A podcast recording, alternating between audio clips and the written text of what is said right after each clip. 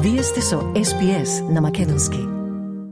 Повеќе луѓе од кога било досега се вработени на повеќе од едно работно место, а се чини дека тоа се должи најмногу на кризата со трошоците за живот, според Австралиското биро за статистика. Од агенцијата проценуваат дека 947.000 работници работеле на повеќе од едно работно место во месец март. Експертите велат дека трошоците за стоки и платите ги принудуваат луѓето да работат повеќе за да си ги дозволат необходните потреби.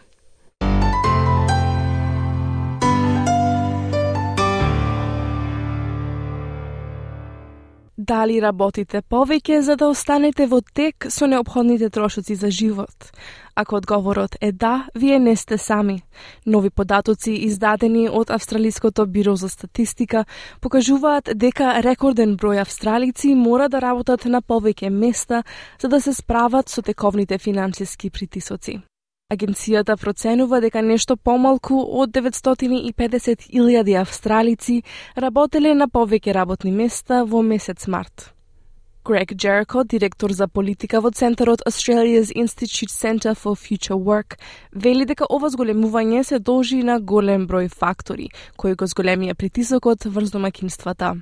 An increase in part-time and casual work decrease in the wages of uh, people in terms of uh, what they're getting paid for what they're doing, and then the increase in the cost of living. When you put all those together, you see a great number of people having to work more than one job just to get by.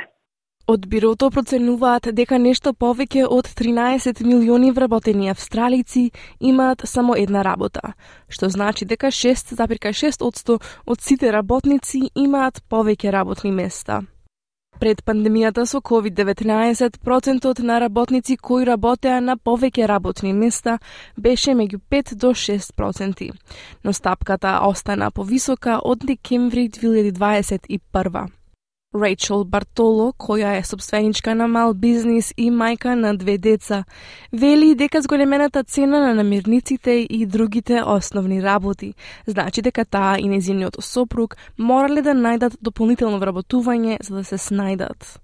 the grocery bill has increased dramatically and things aren't just going up like, you know, 30 cents or 20 cents, like they're going up like whole dollar amounts. Like our grocery bill's probably gone up at least 100 to 150 dollars over the last few months. It's crazy. Најновите податоци на Бирото за статистика исто така покажуваат дека годишните животни трошоци за домакинствата во Австралија се зголемени за 9,6%, што е најголемиот пораст што го забележала агенцијата откако почнала да ги евидентира податоците. Госпогица Бартоло поседува теретана во Нора, во регионот на јужниот брег на Нофижен Велс.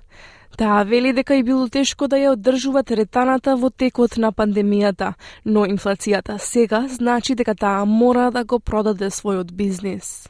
It devastated me, to be honest. I watched my dream die. I watched everything that I'd built die, and like I, I'm continuing to watch my dream die while it's you know while it's open and not selling 'cause it's not really a seller's market either. Um, you know, because no one can afford anything. There was a moment there where I was like, where am I going to go from here? Because I've devoted, you know, a decade of my life to my whole identity was fitness, you know, running my gym and, and everything. And it's sort of like, I'm not, I can't do this anymore. Господја Бартоло се уште работи со полно работно време во теретаната, но неодамна ја заврши својата диплома за услуги во заедницата и истовремено работи со доброволни организации. Во меѓувреме, нејзиниот сопруг, кој исто така работи со полно работно време, требаше да работи на други места за да донесе приход за семејството. Ова се совпаѓа со два навидум спротиставени податоци. Значителното зголемување на финансиските притисоци врз домакинствата и моментални ниски стапки на невработеност низ целата земја. Најновите податоци од бирото покажуваат дека стапката на невработеност во Австралија за јули била 3,5%, недалеку од 3,4% во октомври минатата година, што е најниската стапка забележана од бирото од средината на 1980-тите.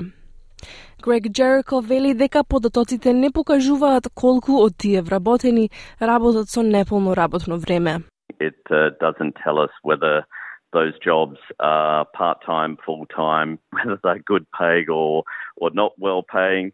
One of the interesting things about uh, this data on multiple jobs that has just come out shows that people who are working full time jobs are also needing to, to find another job to get by. So it's not just a case of people working two part time jobs or three part time jobs. There are people who are working a full time job and having to, to work more hours. Господја Бартоло вели дека најтешкиот дел од незините финансиски проблеми е начинот на кој овие притисоци влијаат врз незините деца. It's hard for little brains to understand money and budgeting. And my eldest son has a school camp coming up, and it's, you know, a couple of hundred dollars for two days. And he was saying, I won't go because I know you and dad are worried about money. And I don't want my 10 year old to feel like that. Like, he shouldn't be feeling like he has to sacrifice something so we can get by for another week. Тоа беше господја Бартолово прилогот на Sam Dover за SBS News. Сакате ли да чуете повеќе прилози како овој? Слушате подкаст преку Apple Podcasts, Google Podcasts, Spotify или од каде и да ги добивате вашите подкасти.